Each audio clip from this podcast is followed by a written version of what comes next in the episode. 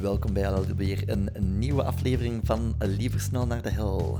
We gaan, het, eh, we gaan verder eigenlijk op onze, in dit nieuwe seizoen, uh, waarin we meer gaan focussen op heel wat iconische figuren weer al. We hebben het al gehad over de architect van de rock and roll en we blijven nu een klein beetje doorvaren op die rock and roll vibe. En we gaan het nu zoeken bij de queen of the rock and roll een vrouw met een uh, klok van een stem. Een vrouw die daar echt wel haar, haar, haar passie gewoon tot uiting bracht. Uh, ja, we kunnen er niet omheen als we het hebben over rock and roll. Ja. Het is de enige echte Tina Turner.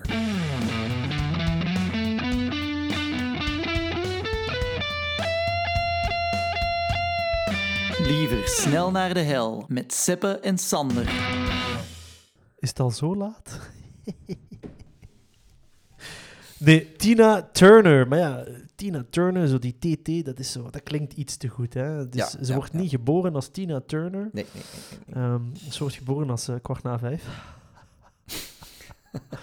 nee, oké, stop, eh, stop met de Tina Turner moppen. Ehm, eh, haar, haar, haar echte naam, ik vind dat ook wel iets catchy, hè, is Anna Mae Bullock. Ja.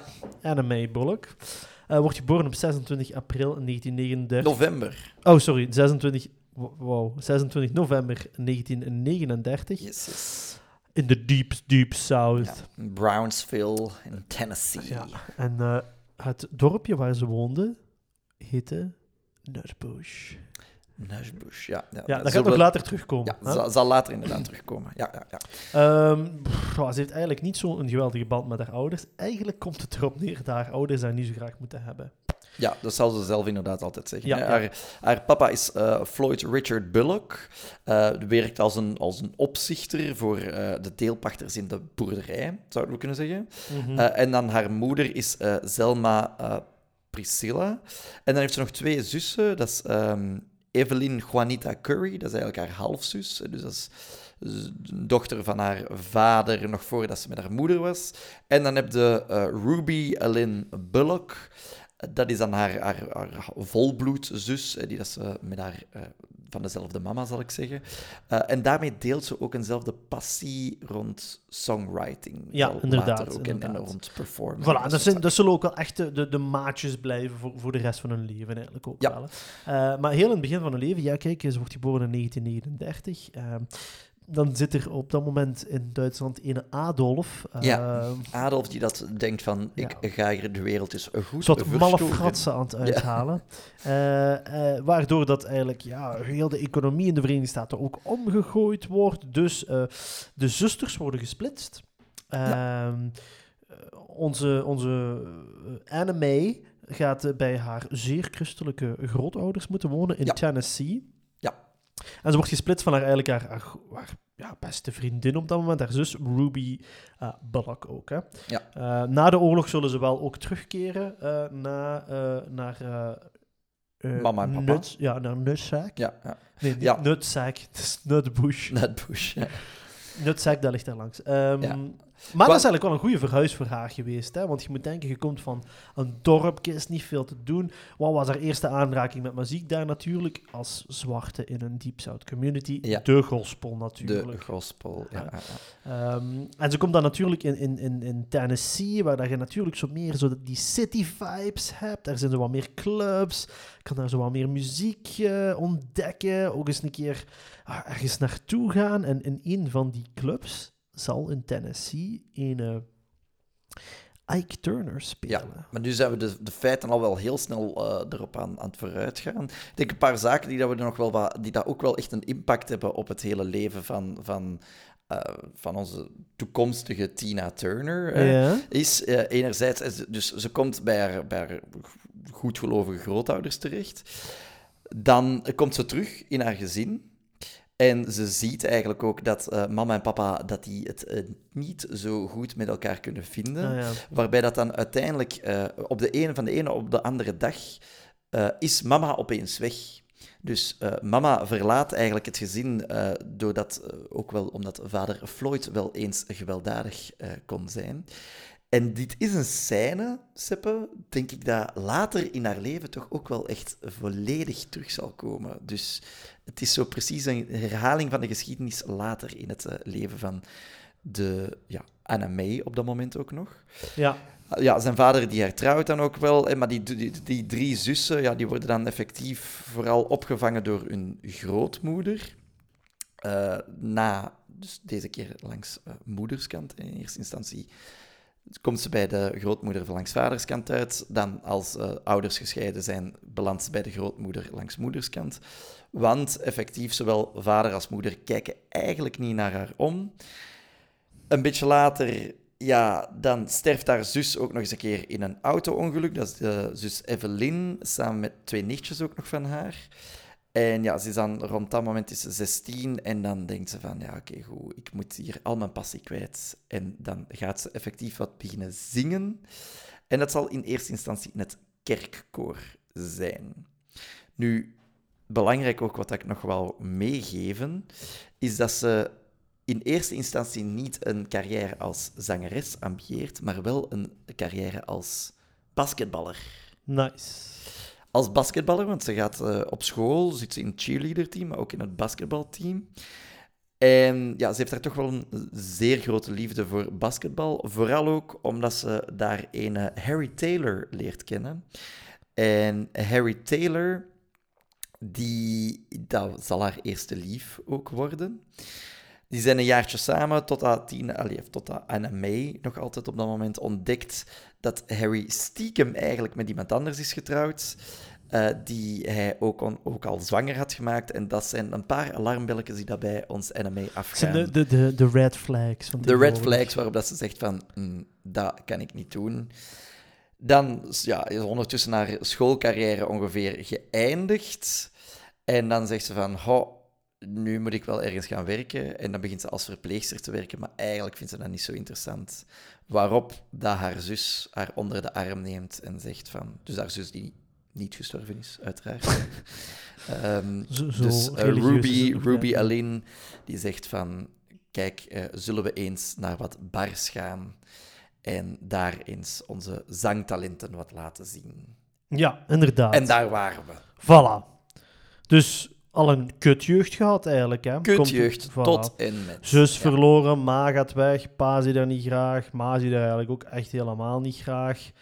Altijd zingen in dat koor. Ha, ha, Ja. Niet fijn, niet fijn, niet fijn. Dus dan gaat dat eens een keer een pintje drinken in bijvoorbeeld de Manhattan Club Yes. in St. Louis. Ehm, en daar ziet ze een band spelen, die heet de Kings of Rhythm. Klein feitje. Mijn opa speelde vroeger in een band en die heette de Rhythm Kings. Oeh. Jazeker. En was het ook effectief gebaseerd op The Kings of Rhythm dan? Of was het een louter leuke woordspeling? Nee, ik denk dat de Kings of Rhythm... Ah ja, ze Ja. gebaseerd hebben op ja, de band van uw opa. Ja, ja. Houthalen. Hellichter was toen wel zo'n beetje de, Dat was wel een beetje het mekka van het de mekka rhythm van and de blues rhythm eigenlijk. and blues. Ja, ja, ja. nee, Eh, nee, voilà. maar wie speelt er in de Kings of Rhythm? Ike Turner. Eh. Ike, Ike, Ike. Eh, Niet te verwarren met de noodles. Nee, inderdaad. Alhoewel, hij ook hot-tempered was, hè. Hij was hot-tempered, ja. Je moest er niet te veel warm water op Maar, dat was, eh, maar dat was, dan moet je me denken, dat, de- je zit daar met een, een 16, 17-jarige Tina Turner en ziet Ike daar echt als de frontman van de frontmans spelen. Yes. Eh, dus die had iets van, oh, what the fuck? Ehm, helemaal gek van die man. Ehm, jij, jij had een andere versie dan mij. Want ehm, de Ah, ja. versie die ik heb, is dat ehm, op een gegeven moment er eigenlijk gevraagd wordt aan haar van, ah, zing ook eens iets. Ah ja. Eh, en dat ze eigenlijk dan de kans krijgt om op een van die avonden ehm, een liedje te zingen. Eh, en dan zingt zij inderdaad een liedje van B.B. King. Eh, en iedereen is dan weggeblazen. Maar wat zag Ike vooral? Ike zag, oeh, kijk eens hoe die mensen reageren op Tina Turner. Ja, ja, ja, ja. Daar kan ik iets mee doen. Dat is niet volledig anders dan de, de versie die ik heb, heb gelezen. In die, ja, in die zin van eh, hoe dat, wat de research die dat ik heb gevonden, want ja, zo, zo werken we natuurlijk. We, we researchen ongelooflijk hard voor deze podcast en dan, dan leggen we eigenlijk onze versies naast elkaar en dan zien we van, oh, wat heb jij gevonden, wat heb ik gevonden. Eh, wat dat ik eigenlijk had gezien, is dat ze al verschillende keren had gevraagd of dat ze eens een keer een nummer Ja, mocht kijk. zingen. Dat is zo de romantische versie. en Voilà, misschien voilà, iets meer... eh, En, de, en Ike zei altijd van, ja, nee, nee, nee. ehm, eh, eh, hier, hier is mijn nummer, eh, belt me maar eens een keer op en dan, dan bekijken we het wel eens een keer.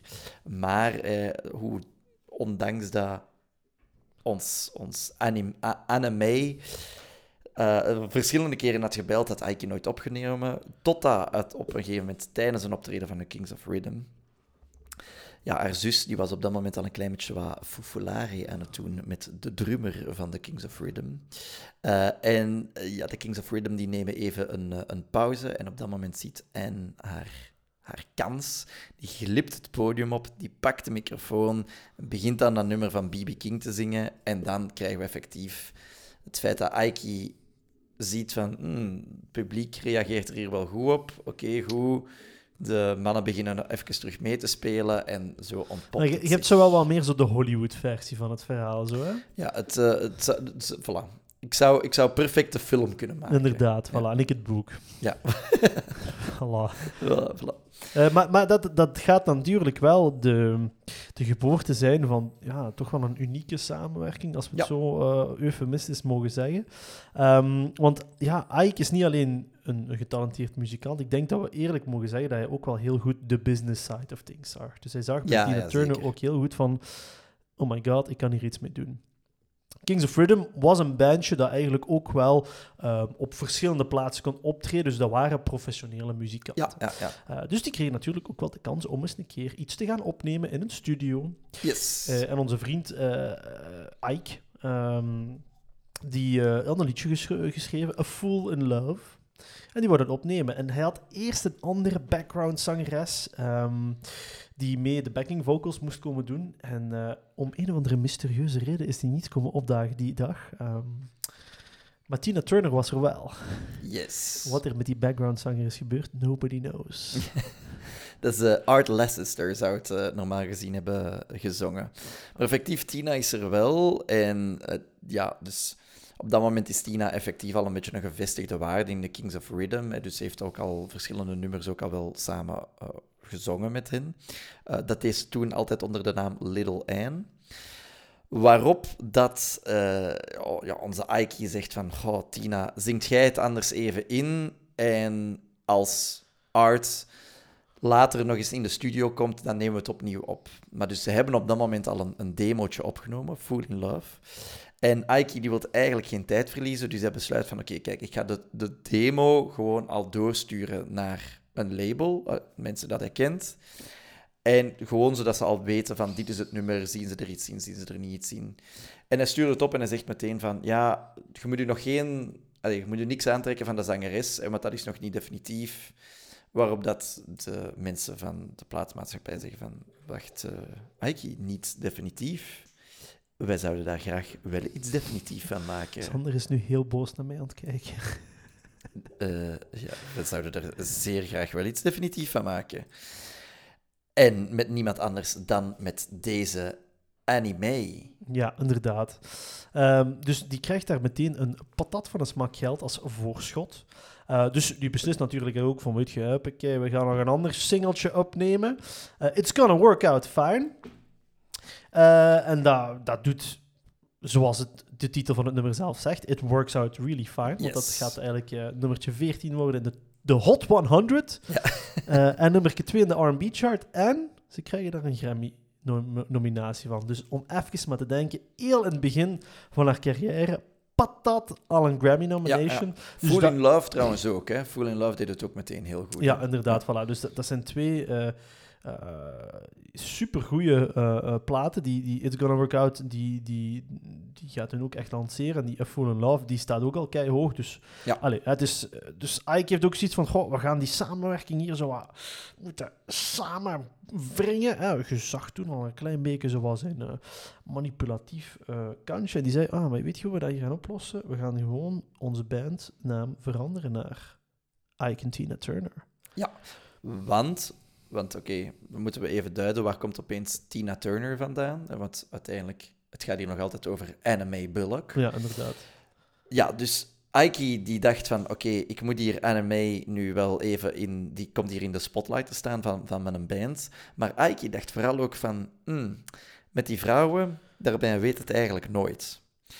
Dus zegt hij van, goh, ik ga die een artiestennaam geven, zodat als anime op een gegeven moment besluit om mij te ditchen, dan kan ik daar gewoon een volledig andere vrouw in die haar plaats zetten en dan kan ik toch nog dezelfde naam gebruiken. Dus hij verzint de naam Tina, Tina in eerste instantie. Uh, hij laat zich inspireren daarvoor op, op Sheena, Queen of the Jungle. Uh, dat was ja, iets waar hij op dat moment heel erg naar opkeek. En hij gebruikt zijn eigen achternaam Turner, omdat het dan ook mooi bekt? Tina Turner. Uh, en dat gebruikt hij eigenlijk vooral als een podiumpersoonlijkheid. Dus Ike ziet eigenlijk op dat moment vooral Tina Turner als een persoonlijkheid die dat hij heeft gecreëerd en die daar inwisselbaar is. Ja. Dus oké, we kunnen nu even iets met anime doen, maar als straks Art Leicester nog terugkomt, dan doen we het met uh, Art Leicester. Als uh, biedt ook nog een uh, Marie hier langskomt, dan doen we het met Marie. Allemaal goed. We noemen die allemaal Tina Turner uiteindelijk. Dat was het oorspronkelijke plan. We weten ondertussen dat de naam Tina Turner wel gebleven is bij één persoon. Uh, wat speelt er zich ondertussen ook op de achtergrond af? Niet onbelangrijk. Ja, Tina is een vastwaarde van die Kings of Rhythm. Dus die begint op een gegeven moment ook wel wat te daten met de saxofonist. Dat is uh, Raymond, Raymond Hill. En ja, van dat daten van het een komt het ander, eigenlijk op heel korte tijd, ja, loopt Tina daar met een buikje rond. En ja, vanaf dat Raymond dat uh, buikje ziet, dan zegt hij van, ja, dat uh, gaan we niet doen. Dus Raymond die trapt het eigenlijk af. Uh, ja, Tina die, die is eigenlijk al meteen een alleenstaande moeder. En als alleenstaande moeder vindt ze dan wat... Uh, ja, het is allemaal niet gemakkelijk. Uh, en ze vindt eigenlijk troost in de armen van Aiki, die daar op dat moment zelf ook nog wel een vriendin en kinderen heeft. en die twee beginnen op de achtergrond... Dus van Fool in Love en op de achtergrond van... wat was het andere nummer dat, waarmee ze was doorgebroken?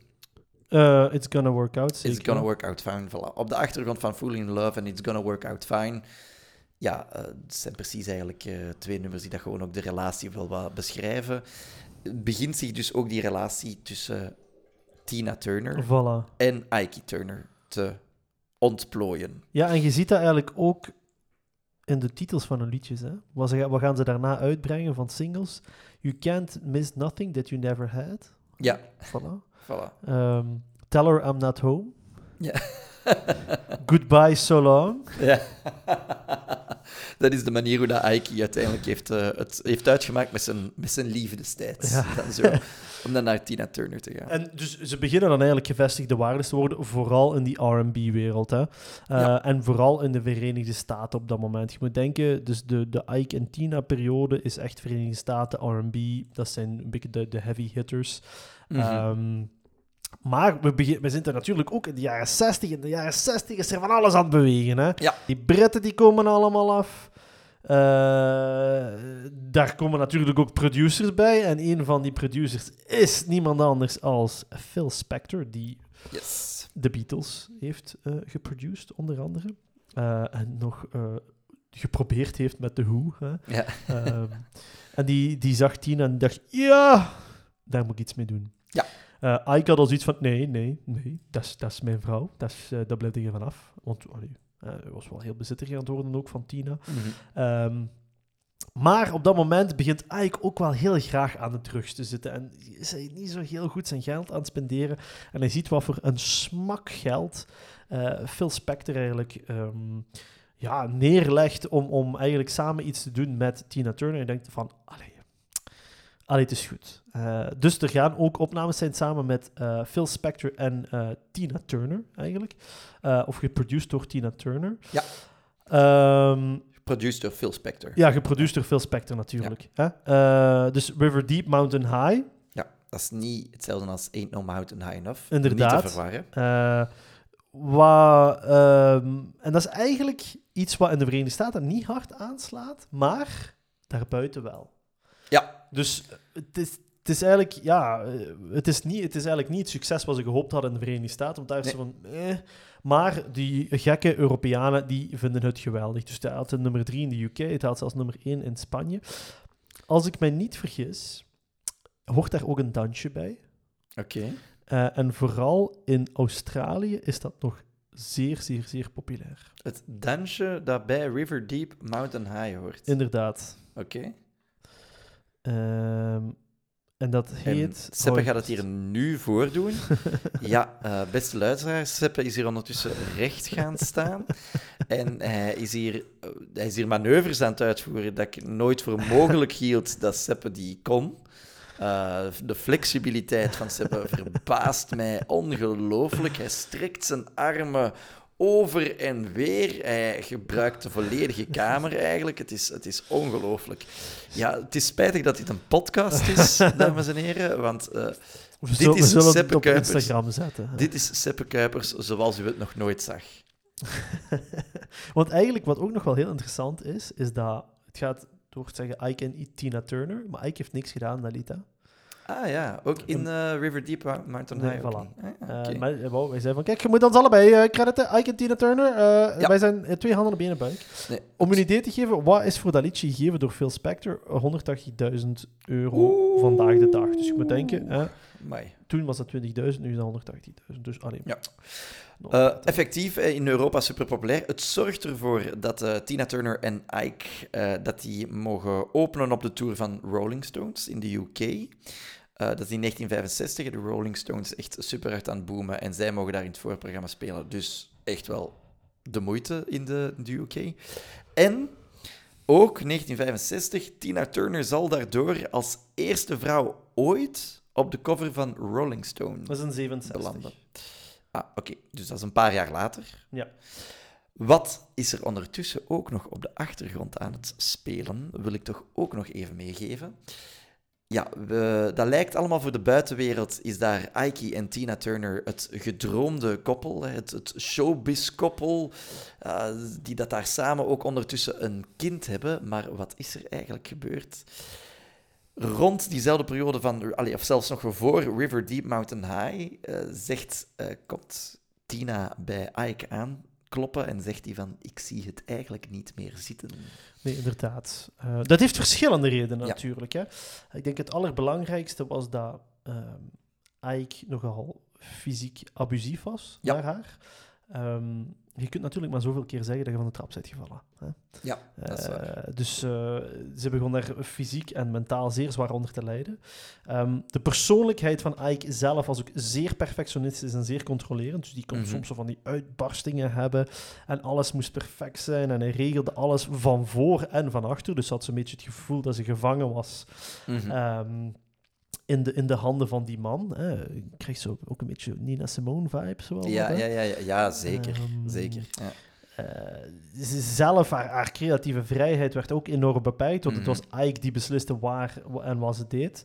Ehm, maar natuurlijk, ze hing een klein beetje ook vast aan Ja, hem, ze, zijn, ze zit op dat moment eigenlijk net bij de grote doorbraak. Ze hebben dan, allee, je moet bedenken, oké, je hebt dan die, die Fool in Love gehad en dan heb je eh, Phil Spector die er opeens komt aanwaaien.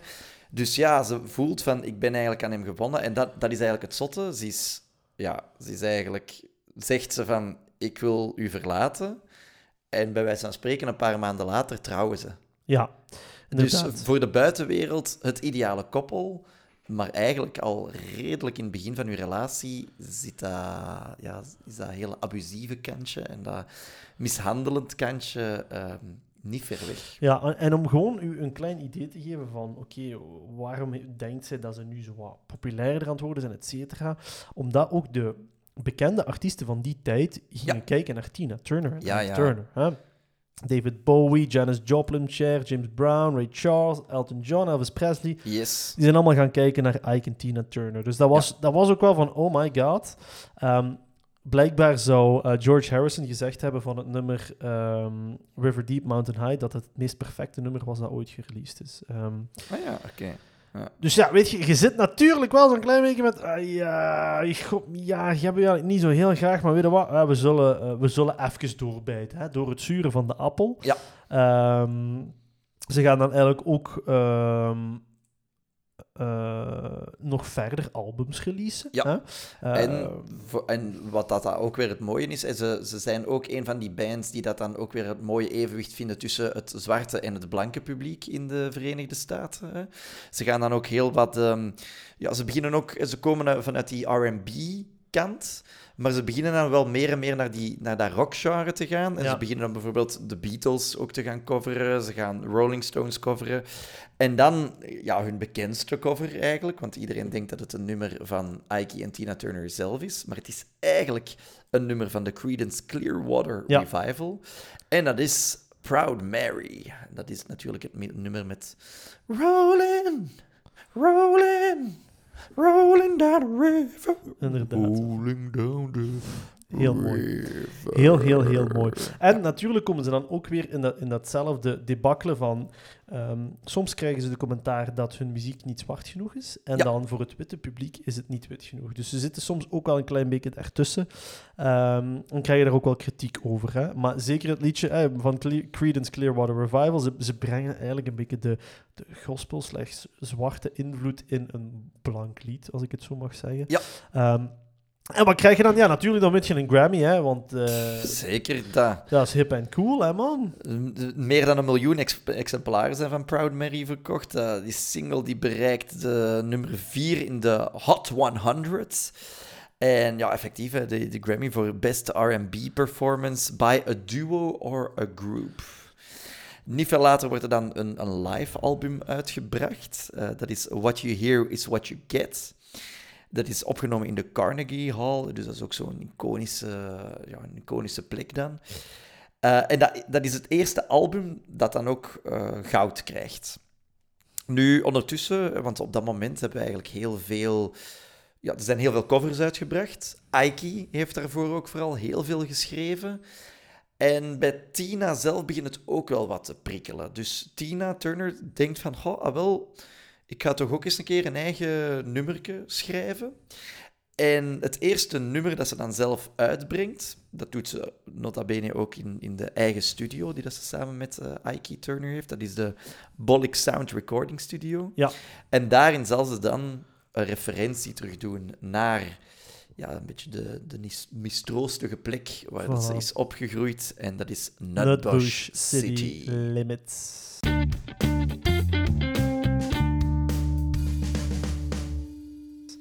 Dus Nutbush City Limits is echt, als je de tekst leest van het liedje, het gaat echt gewoon over eh, ja, haar thuis. Hè? Mhm. Eh, het, het goede, het minder goede, een beetje een, een nostalgische song. En Ja. dat heeft ze volledig zelf geschreven en dat slaat in als een truck. En ik heb me dus, City. ja, en ik heb me dus vergist. Hè. Het dansje was niet op ehm, Mountain High, eh, River Deep Mountain High, maar op Nutbush City Limits. Ah, oké. Ja. Wilt, wilt je dat dansje misschien ook eens Ja. voordoen? Eh, dat gaat zijn voor eh, onze Patreon, die we nog niet hebben. dat is goed. Of onze Only Dance. The Only Dance. Oh, oh. Oeh, ja, ja, ja. oké. Voilà, Ja, dus, dus eh, dus daar- je kunt Seppen betalen, daar, gaat het, daar draait het dus om. Je kunt Seppen betalen om een dansje te doen. Speciaal voor jou. Eh, het, het hele coole is dat zij daar ook gewoon eh, wereldwijd succes mee, mee krijgt. Hè. Ze, is, Ja. ze is ook ongelooflijk populair in Europa. Ehm, iets wat niet gemakkelijk is. Hè. Heel Nee. vaak heb je de artiesten die zijn dan bekend in Europa en veroveren de Verenigde Staten. En hier is het eigenlijk het omgekeerde. Hè. De artiest die super bekend is in de Verenigde Staten en ook gewoon echt Ja. Europa verovert. Ja. Het zorgt er bijvoorbeeld voor dat ze mee mag spelen in de film, de rock opera van The Who, Tommy. Tommy, En ze gaat daar ook eigenlijk een hele aparte rol krijgen. Ze, ze is daar de, de Acid Queen. Een rol die dat ze zelf ook echt wel heel leuk vond om te spelen. Omdat ja, de Acid Queen is zo'n helemaal ontspoorde vrouw. Terwijl dat Tina Turner zelf eigenlijk wel iemand was die dat heel degelijk eh, altijd wel is eh, gebleven. Laten dat was. Ja. Degelijk is echt een heel archaïs schaar woord Een- om een vrouw te beschrijven. De- een degelijke vrouw. ja. ik, wil, ik wil maar zeggen, het was niet iemand die dat... eh, die dat eh, door Ah, dat, was nu echt, dat was nu echt een degelijk vrouw. Het was een deugelijke vrouw. Nee, maar eh, dus ik wil voilà, maar wel dit, zeggen... eh, voilà, inderdaad. Ja, Geen, dit geen, geen drugs, ja. eh, geen alcohol. Eh, natuurlijk in, in schril contrast met haar echtgenoot die alleen maar drugs en alcohol deed. ja, ja, ja. Eh, en ja, we zitten, we zitten zo eh, begin- midden jaren 70. Wat gaat ze nog doen? Misschien even Led Zeppelin erbij halen. Ah, voilà. Covert een keer Whole Lotta Love. Dat wordt ook echt... Dat komt binnen als een bom natuurlijk. Ehm, eigenlijk, als je zoiets hebt van... Oei, oei, Tina Turner gaat een liedje van mij coveren, dan weet je dat je het kwijt bent eigenlijk. Hè. Ja, ja, ja, eigenlijk wel. Eh, Ze en- gaat ook ehm, dan eh, nog een eigen eerste solo-album ook al maken. Dus dat, is de eerste, dat zijn zo wat de eerste stapjes, denk ik dan. Zo dat, dat de breuk met Aiki wel wat wordt gelegd. Dus, is een eerste solo-album, denk ik. Dat is de eerste keer dat ze het zonder Aiki doet. Hè. Ja, inderdaad. En, en En dan heb ik het nog altijd niet over de noodles. Hè. nee, inderdaad. Dus, voilà, dus ze zegt in 1976, weet je wat? Ik ben een degelijke vrouw. Ik ben dat gezeik hier beu. Ehm, ze had daarvoor al eigenlijk geprobeerd om zichzelf eigenlijk eh, ja, uit het leven te halen. Hè, door een overdosis pillen te nemen. Eh, iets wat helemaal niet bij haar paste. Waarom? Omdat zij nooit alcohol nam, ze nam nooit drugs. eh zoals eigenlijk een, een, een, een vrij stabiele, Een degelijke vrouw. een degelijke vrouw. Degelijke vrouw. Moet je Van- zeggen hoe dat is? Ja. Een degelijke vrouw. Jesus Christ. Ehm, en, en haar background-zangers zagen dat ook meteen van oei, oei, er is iets mis met Tina. Ze, ze, ze is trouwens niet op het podium geraakt. Hè. Eh, voordat ze het podium opging, was ze al helemaal Ah, ja. Dus eh, in 1968 wilde In dat zeggen. 1968, ja. Eh, en ehm, blijkbaar zou Ike tegen haar gezegd van kijk, als je nu doodgaat, I'm gonna fucking kill you. Dus. Hmm. Ehm, zo wordt er dan uitgehaald. Ja, ze hebben zoiets van, allee, kom, we zullen verder gaan. Maar eigenlijk, ze haten die, die kerel met een passie. Ze heeft dat dan nog eigenlijk acht jaar volgehouden. En 1976 heeft ze iets van... Misschien ook al met het succes van haar eigen soloalbum. Dat ze iets heeft van, Ike, Ja. uw cocaïneverslaving is de pan aan het uitreizen. Je hebt de zaken niet meer onder controle. Ik ga s'nachts stiekem wegsluipen en jij ziet mij niet meer terug. Ja, wat gebeurt er eigenlijk? In 1976 treden ze op in, in de Wal- Waldorf Astoria in New York. Eh, ze zouden ook eigenlijk een televisiedeal op dat moment tekenen voor CBS. Dus eh, ze, ja, Aiki die bereidt zich daar eigenlijk op voor. Eh, die gaat van Los Angeles naar, naar Dallas, eh, waar dat ze dan een optreden ook nog moeten hebben. Ehm, ze zitten in de auto. Tina en Aiki die krijgen een slaande ruzie. En die, als ik zeg slaande, dan mocht je dat eh, redelijk letterlijk nemen. Waarop dat effectief, ehm, als ze toekomen in het, in het hotel, dat eigenlijk na aankomst, ja, Tina bijna meteen wegvlucht. Ja. Die gaat bij wijze van spreken naar de overkant, waar dat ze zich dan schuilhoudt voor een aantal eh, dagen. En ondertussen de echtscheidingspapieren in orde aan het brengen is. Ja. En ja, dan gaat ze een... ehm, gaat ze echtscheidingspapieren versturen naar Aiki, die dat daar uiteraard niet mee kan lachen, want die ziet al dat geld voor zijn neus verdwijnen van die deal die dat hij op dat moment ook allemaal wou maken. Of de, die deal die daar op, op dat moment in, in orde aan het brengen was. En ja, dan begint er eigenlijk daar een zeer pittige echtscheiding, die Ja. dat nog zeker twee jaar zal duren. Ja, Met inderdaad. alle gevolgen van natuurlijk. En Tina Turner had... Want ik had op een gegeven moment ook proberen de naam Tina Turner eigenlijk toe te eigenen. Om te zeggen van, kijk, dit Ja. is mijn intellectual property. Maar dat zal dan toch niet lukken. Hè? Eh, dat gaat, hij heeft het niet hard gemaakt. Ook in die momenten dat hij eigenlijk aan het denken was aan eigen Tina Turner. Dus het gaat niet lukken om de, het, het eigendom Tina Turner terug te krijgen. Mhm. En Tina had ook zoiets van, weet je wat, ik, ik ben het gezeik zo beu eigenlijk. Hè. Ehm, pakt wat je pakken kunt. Hè. Dus ze heeft eigenlijk veel van haar vorige rechten weggegeven. En ze heeft gezegd van, kijk, ik ga gewoon opnieuw beginnen. Ehm, Ja.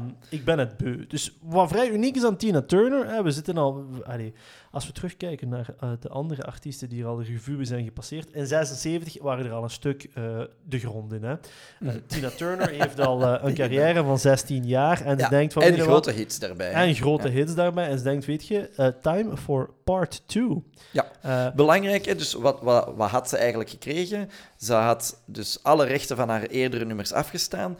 Alleen alimentatie was belangrijk, zowel voor, haar eigen, zowel voor het kind dat ze samen met Aiki had, als voor, eh, het kind, als voor de twee kinderen die daar eigenlijk van Aiki waren, als voor haar eigen kind natuurlijk ook. Maar oké, daar, daar was minder discussie over. Dus ze vraagt eigenlijk de alimentatie voor eh, vier kinderen te gaan opvoeden, die dat ze gedeeltelijk dus ook adopteert. En ze zou ehm, uiteindelijk, wacht, want het was wel grappig, ze behoudt na die hele rechtszaak twee Jaguars nog wel. Eh, iets van bond, juwelen en dan haar stage-naam eh, effectief. Maar ja, ze moet vanaf nul beginnen. Dus hoewel dat ze wel twee Jaguars heeft, overleeft ze de eerste eh, jaren op foodstamps. Ja, dus het is, het is weer terug naar af. Ja.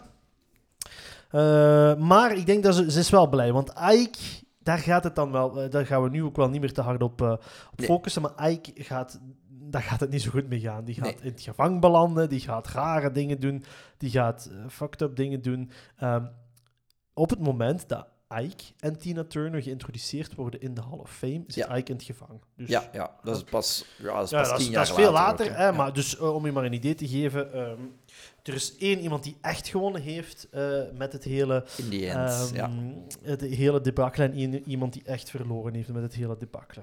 Ehm, dus ja, Tina heeft iets van, weet je, kijk, we gaan er terug een volle bak voor moeten gaan.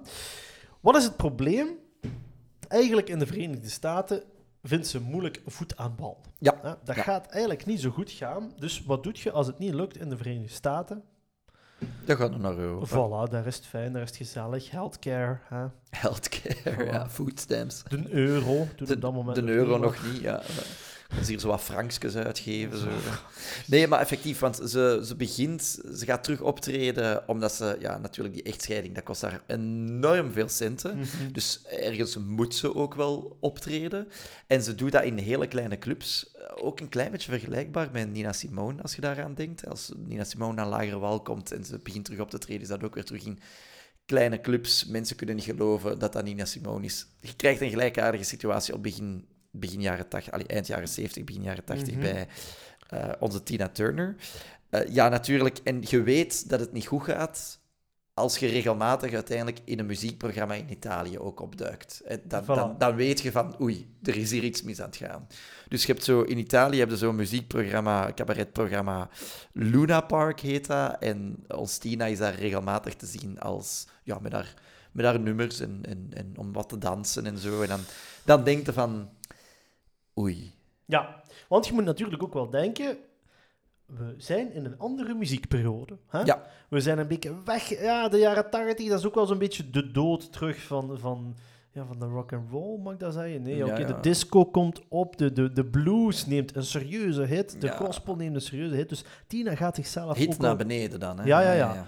voilà. Dus, eh, dus ze gaat zich zo wat moeten heruitvinden ook. Hè? Dus, die, die, die, dus ze- brengt ook hè, het eerste album dat ze uitbrengt onder haar eigen naam is Rough. Dat gaat het eigenlijk niet zo heel goed Nee. doen. Maar ze gaat wel blij, blijven toeren. Hè? Ja. Ehm, Wat dat er, er wel is, hè, want, want Ruff, dat is ook, ja, ze maakt dan zo'n uitstapje naar de disco, wat dat effectief niet, niet doet. Wat wel is, ze komt wel met een sexier imago Ja. aanzetten. Hè. Dus zo, als we denken aan Tina Turner met zo de, de, de glitterkleedjes en zo, dat begint rond die periode wel wat te ontstaan. Hè. Dat, dat, dat beeld, zal ik zeggen.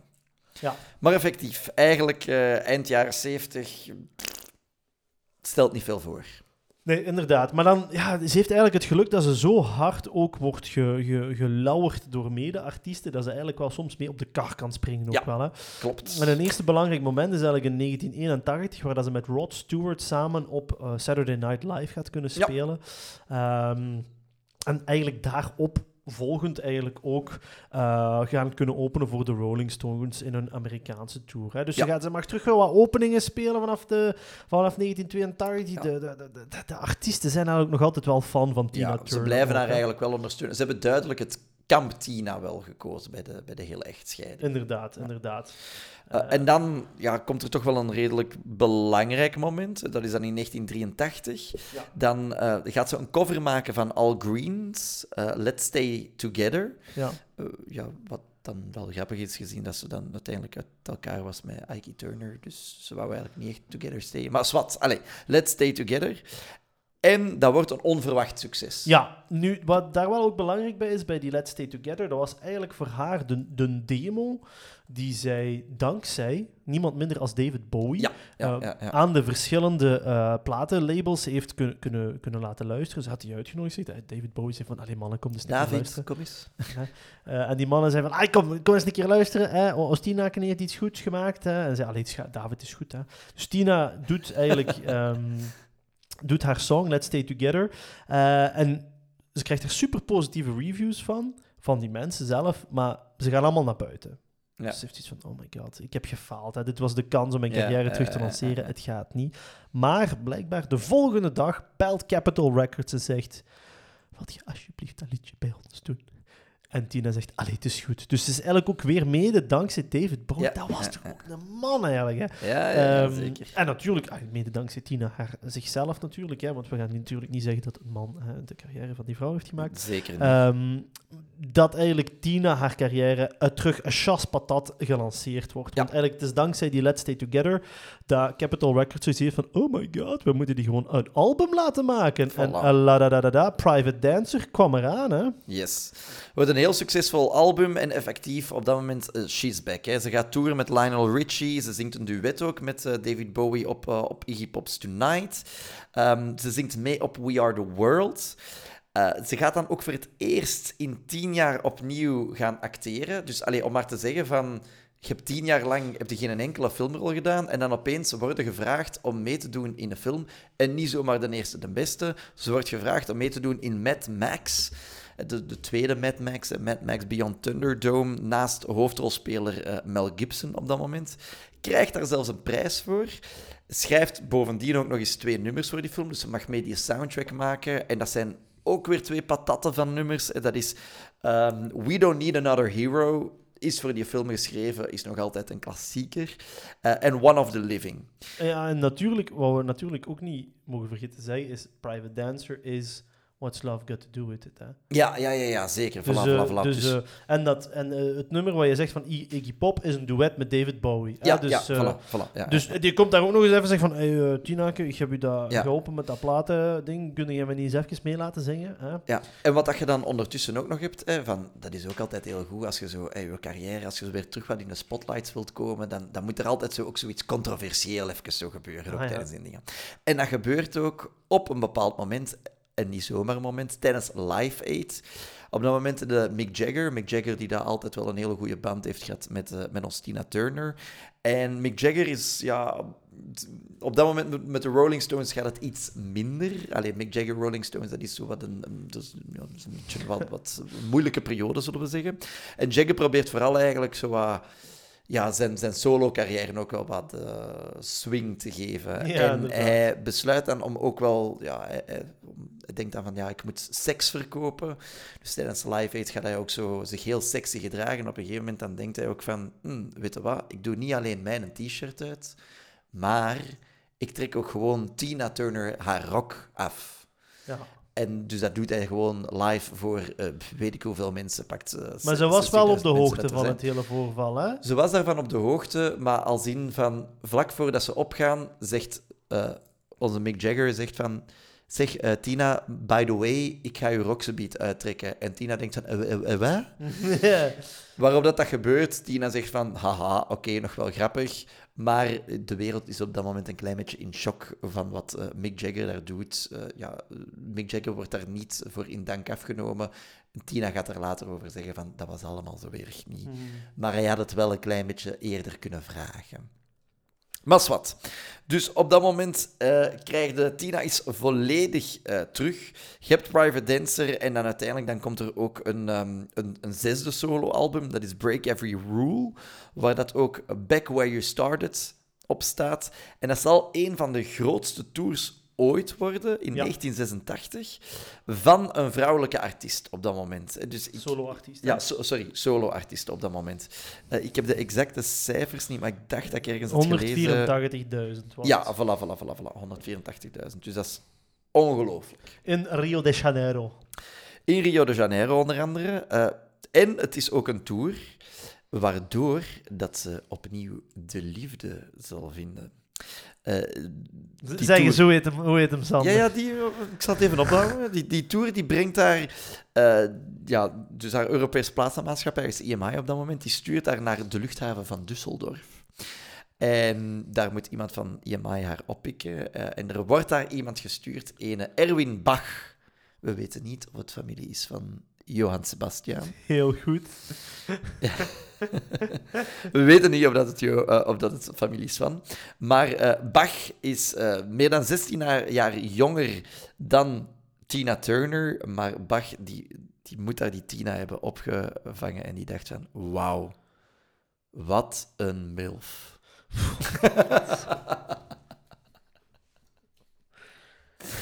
Ehm, bon, die twee die, die worden bevriend. En eh, ja, die beginnen eigenlijk ook wel wat eh, te daten op een gegeven moment. Eh, en het zal pas jaren later zijn, echt, echt pas 2013, dus, dus, dus 27 jaar nadat ze elkaar in 1986 leren kennen, dat ze ook effectief zullen, zullen trouwen in, in, in Zwitserland. Maar dus 1986 ook mooi jaar voor de liefde voor Tina Turner. Wou ik ook maar even meegeven. Heel mooi, heel mooi. En dan, ja, weet je, dan gaat je eigenlijk gewoon... Je moet denken, dan, dan is die al meer dan 25 jaar bezig met muziek. Yes. Eh, weet je, wat doet je dan? Ja, dan gaat er eens een keer zo wat samen. eh, in 1995 gaat ze een keer... eh, eigenlijk, als je weet dat je het gemaakt hebt als artiest, wat mocht je dan doen? Dan mocht je een soundtrack opnemen van James Bond. Yes. Dus ze mag van de film GoldenEye. Ja. Eh, dat is, trouwens, dat liedje is geschreven door eh, de, de leden van U2. ja. Eh dan mag ze in zingen, dan weet je, ja, ik heb het gemaakt.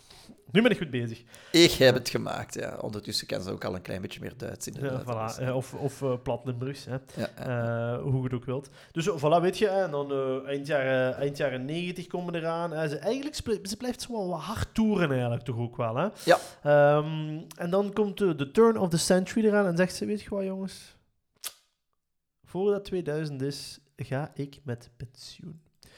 De reden is, dan is ze eigenlijk al 40 jaar aan het toeren, hè? aan Ja. het optreden, albums aan het maken.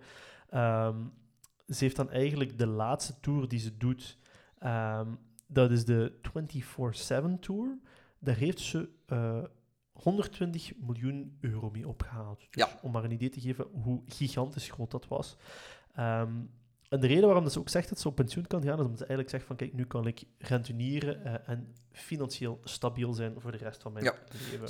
Ze is tegen dan, hè, want dat is ja, rond, eh, laten we zeggen rond eh, 2000, dat ze dan inderdaad zegt. Dus ze is, ze is 60 eh, ook. En ja, ze brengt dan effectief ook nog wel een, een, een nummer uit. En dan effectief, dan gaan ze zo af en toe nog eens een keer een acte présence doen.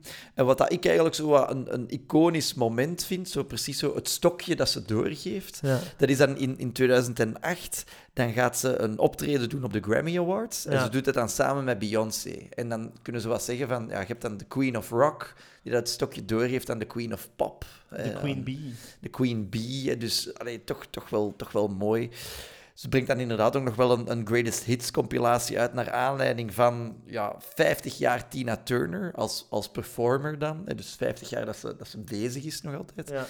En effectief, op dat moment, ze, ze brengt nog wel zo wat... Hier en daar is een nummer uit, maar optreden gaat er, eh, Nee. gaat Wat ze er wel nog gaat doen, is in 2016, dat is eigenlijk geweldig. Hè. Ze schrijft een musical over haar eigen leven. Ja, of schrijft mee aan een, eh, aan een musical. Ja, ja, ja Ehm, voilà. Maar dat is, de, de musical heet wel Tina, dus Ja, het gaat ja. over haar eigen Ja, ja, leven. het gaat over, over zichzelf. Ja, ja, ja. Maar ik wil, Ehm. ik wil zeggen, van, het is niet zij die dat initiatief neemt. Het is iemand die dat zegt van, ik wil een, een, een musical schrijven over Tina Turner. En Tina zegt van, oké, ik wil er wel wat aan meewerken. Ik, ik heb daar wel wat over te vertellen. Maar Ik ze heeft daar toch wel een grote rol in gespeeld ook, hè? Heeft er Eh, een grote rol in gespeeld? Ja, ja, in het schrijven, ja, ja, sowieso. Ja, ja. Het gaat echt over haar leven ook, hè? Ah ja, oké. Ik dacht ja. dat ze daar niet zo bij betrokken was. Jawel, jawel, jawel. Eh, maar ja, kijk, dus ja, weet je, in 2016... Wat komt er dat nu natuurlijk ook? Kijk, ja, Tina wordt ook al een, een stukje ouder. En ze begint wat gezondheidsproblemen te, te krijgen. Nota bene, nierproblemen is iets wat heel hard de kop opsteekt bij haar. En ze zal dat ook later toegeven, maar ze maakt eigenlijk de verkeerde keuzes in behandeling. Nota bene behandelingen die eerder... Homeopathisch zijn. Dat, ja, dat is licht uitgedrukt eigenlijk. Hè? Ja. Een beetje kwakzalverij, daar komt het op neer. Veel kwakzalverij. Ja. Eh, En die zorgen ervoor dat haar situatie verslechtert. Hè? Ja. Zo slecht zelfs wordt dat ze eigenlijk gaat overwegen op een gegeven moment van, om euthanasie te plegen, omdat Ja. haar gezondheidstoestand zo slecht is. Ja, want het is niet alleen die nierfalen, darmkanker, ze heeft een te hoge bloeddruk. Dus allee, het, is, het is zo heel veel zaken, inderdaad ook wel echt. Hè. Ja, inderdaad. Ehm, nu, ze gaat last minute toch niet eh, ja, euthanasie of assisted suicide, Nee. omdat ze eigenlijk een, een, een niertje krijgt. Hè? Van niemand minder dan Dat weet ik niet. Erwin Bach, Och, gij! haar eigen man. Oh, ja, staat een nier, dat wist ik niet. af. Ja, 16 jaar jonger, dus ik denk van... pff, Dus. Tina die was zo eens een keer aan het voelen aan die zijn rug. Die dacht, die, die gaat mij later nog van pas komen. ja, ja, ja. Het is eh, Erwin Bach die dat zelf een, een, nier zou hebben aangeboden voor eh, de transplantatie. Voilà. Dus ja, dan gaat ze eigenlijk nog even kunnen verder leven. Maar helaas, dan in, ehm, in 2023, Ja, in dus vier- dit jaar. 24 mei 2024, gaat het licht uit. Nu, ze gaat nog een laatste Instagram-post maken, waarin ze zegt van, kijk jongens, ehm, Kidney Awareness Day was eh, ook heel dichtbij blijkbaar daar. En eh, vertrouw op je dokter. Hè. Doe niet zoals mij. Ga niet die homeopathische weg in, want dat Ja. zorgt alleen maar voor problemen. En kort daarna zal ze overlijden. Er wordt gezegd aan ja, natuurlijke oorzaken of Ja. ten gevolge van een ziekte, want ze was ook wel al 83. Ja, ah, wel, het is dat, eh, 24 mei drie- 2023. Ze is 83 jaar. Dat is ook niet niks. Eh, ze, heeft, eh, ze heeft er op dat moment echt een, een heel bloeiend en boeiend leven echt wel op zitten. En ja, ze, ze, ze sterft dan inderdaad in, in het bijzijn van haar, van haar man eh, in, eh, in Kusnacht. Dat is het dorpje waar dat ze woont in, in Zwitserland. Prachtig eigenlijk. Ja. Zeer mooi. Ja, we zitten dan eigenlijk op het einde van haar, van haar leven. We kunnen een beetje wat terugblikken op, op de legacy. Ik denk, ja, oké, ze, ze was simply the best. Hè? Ik, Eh, ik denk zeker Dat nummer hebben we zelfs nog eh, niet eens aangehaald, maar dat, dat, dat verschijnt daar ook nog ergens in de jaren En dat is 80. allemaal in het, voilà, in het tweede deel van de carrière. Want we moeten ja. echt wel een, een, een, een, een Ike-carrière en een post-Ike-carrière. Ja, ja, ja. Ehm, de de, de Ike-carrière is, hoe moet je zeggen, klassiek, hè, mogen we zeggen. Is- Gospel, rhythm and blues. ja, ja, een beetje meer. Naar, naar die klassiekers die we allemaal hebben gezien. En dan gaat ze eigenlijk zeggen, poef, oh, ik ga eigenlijk echt een beetje een pop-icoon worden. Hè? Uh, met, met, met ook het karakteristieke ehm, hairspray eh, eh, kapsel. Ja, ja, Eh, voilà. Ja. Maar zeker ook als, als eh, zwarte vrouw in, het, in, het, in de spotlight, als ik het zo Ja. mag zeggen, is er voor heel veel artiesten die vandaag de dag ook groot zijn, zoals gelijk gezegd Beyoncé, maar ook bijvoorbeeld, ik denk aan een Lizzo, heel belangrijk om die, ja, die sterke zwarte vrouwelijke presence uit te stralen. Ja, ja, hè? zeker. Maar, maar effectief zeker, Beyoncé vind ik echt wel zo de... Ja, alleen een één op één zou ik het niet noemen, maar zo wat de, de pakjes van Beyoncé. En als je dan kijkt naar zo de, de ja, ik zal zeggen begin jaren tachtig periode van Tina Turner, dat, dat, dat zit er zo wat in. En Die, met die glitter, met die, die aanpak, die, die, dus de powervrouw die dat er zo staat. En heeft Beyoncé natuurlijk ook echt, eh, echt helemaal. Beyoncé, nota bene, gaat dat ook echt wel, die credits ook wel geven als, Ja, inderdaad. als Tina sterft, dan eh, heeft Beyoncé ook effectief gezegd van ik heb hier heel veel aan te danken. Dat is een van de vrouwen die dat mij heeft geïnspireerd om muziek te maken, die dat eigenlijk het, het pad voor ons geëffend heeft ook echt wel. Dus, Ja, inderdaad, inderdaad. Zeker weten. Zeker weten. Dus echt wel een, een, een bom van een, van een vrouw eigenlijk ook. Echt, eh, echt degelijk. Ehm, Echt een degelijke vrouw. ah, een shit, dat is- dat is degelijke vrouw. heel cringe, Sander.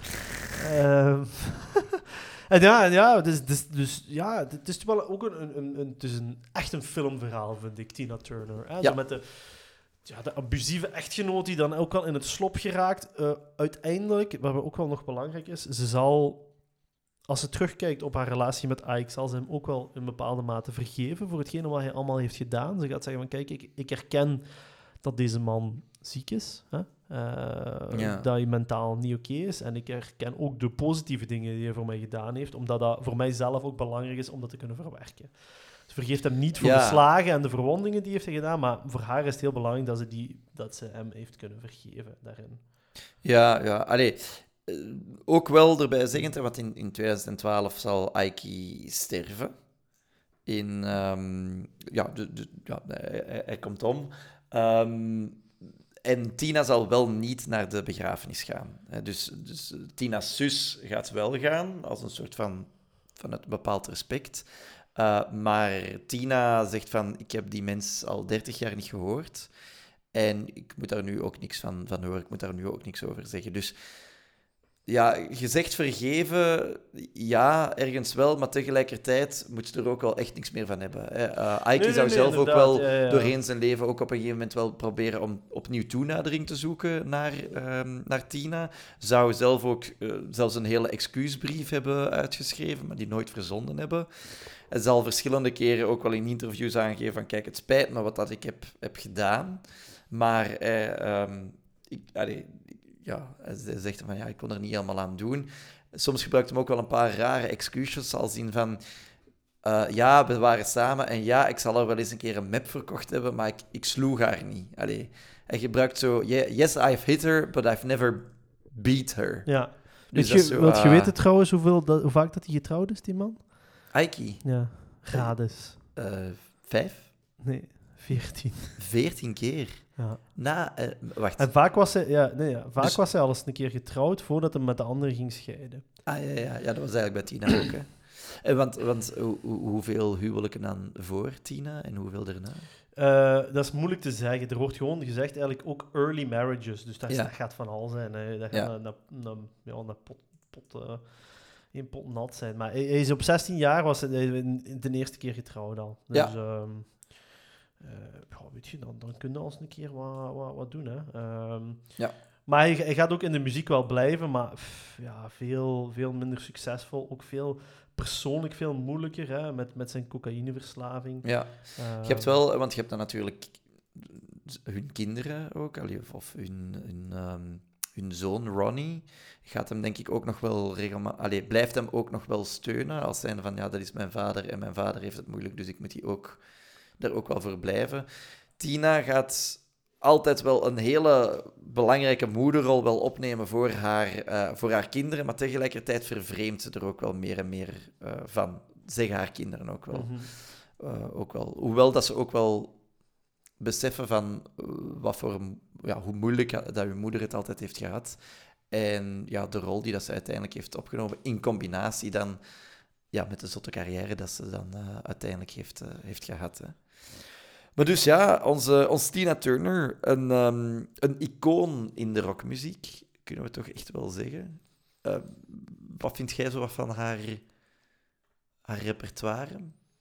Ik denk dat, dat is echt zo van die goede muziek om zo op café te luisteren als je zo wilt beginnen met dansen. Zo. Snap je? Ja, Je, ja. je zit zo wat aan het babbelen met je kameraden en dan komt ineens eh, Simply the Best. Dan, dan gaan die stoelen aan de kant. Hè. Ja, dat heb ik ook heel hard. Want nu met de voorbereiding naar deze podcast toe, wat terug naar Tina Turner beginnen luisteren. En ik moet zeggen, dat is niet eh, iemand waar dat ik zo actief naar zou zoeken. Maar tegelijkertijd, je kent zoveel nummers van Tina Voilà. Turner, zelfs zonder dat je daar fan van Voilà, moet en, die, zijn. en die maakt kanonnen van covers. Hè. Kanonnen van covers, maar ook gewoon haar eigen nummers zijn ook echt iconisch.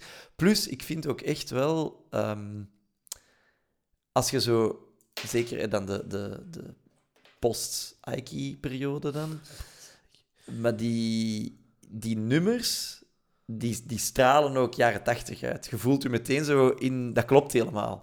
Als je, als je zo'n cd daarvan oplegt, of zo'n album daarvan oplegt, dan je hebt zo meteen die, die jaren tachtig vibe Ja, wel meteen mee, vind Ja, ik. ja, ja, dus ja, dus het is echt gewoon voor die, voor die tijdsperiode ook echt een icoon, Ja, vind ik. Inderdaad, inderdaad. Ehm, past ook wel goed, denk ik, als zo'n beetje als, als ja, tegenhanger van Little Richard. Zo. Ik vind dat die twee heel mooi als, Ja. als, als, als, totaalbeeldje ook wel eh, gepresenteerd kunnen worden. Je hebt zo de Tina Turners van de wereld de- en de Little Richards van de wereld. Ik denk dat voor heel veel artiesten dat twee gigantische in- inspiratiebronnen zijn Zeker, zeker. Niet alleen op muzikaal vlak, maar eigenlijk ook op performance vlak. Hè? Voilà. Ja, want daar hebben we het eigenlijk nog niet helemaal over gehad. Maar zo, ja, de performer, Tina Turner, is ook gewoon ongelooflijk. Hè? Allee, Ja. Hoe dat zij daar staat, hoe dat zij daar shakt, hoe dat zij daar... dat, ja, dat, dat was ongezien, denk ik, bijna op dat moment. Zeker voor, voor vrouwelijke artiesten. Inderdaad. Goed, dan denk ik dat er eh, ons niet meer veel eh, rest om te zeggen over Tina. Ehm, wat wij natuurlijk wel altijd leuk vinden als jullie eens een keer eh, naar onze Instagram gaan. Hè? Een keer Mhm. volgen, een keer liken.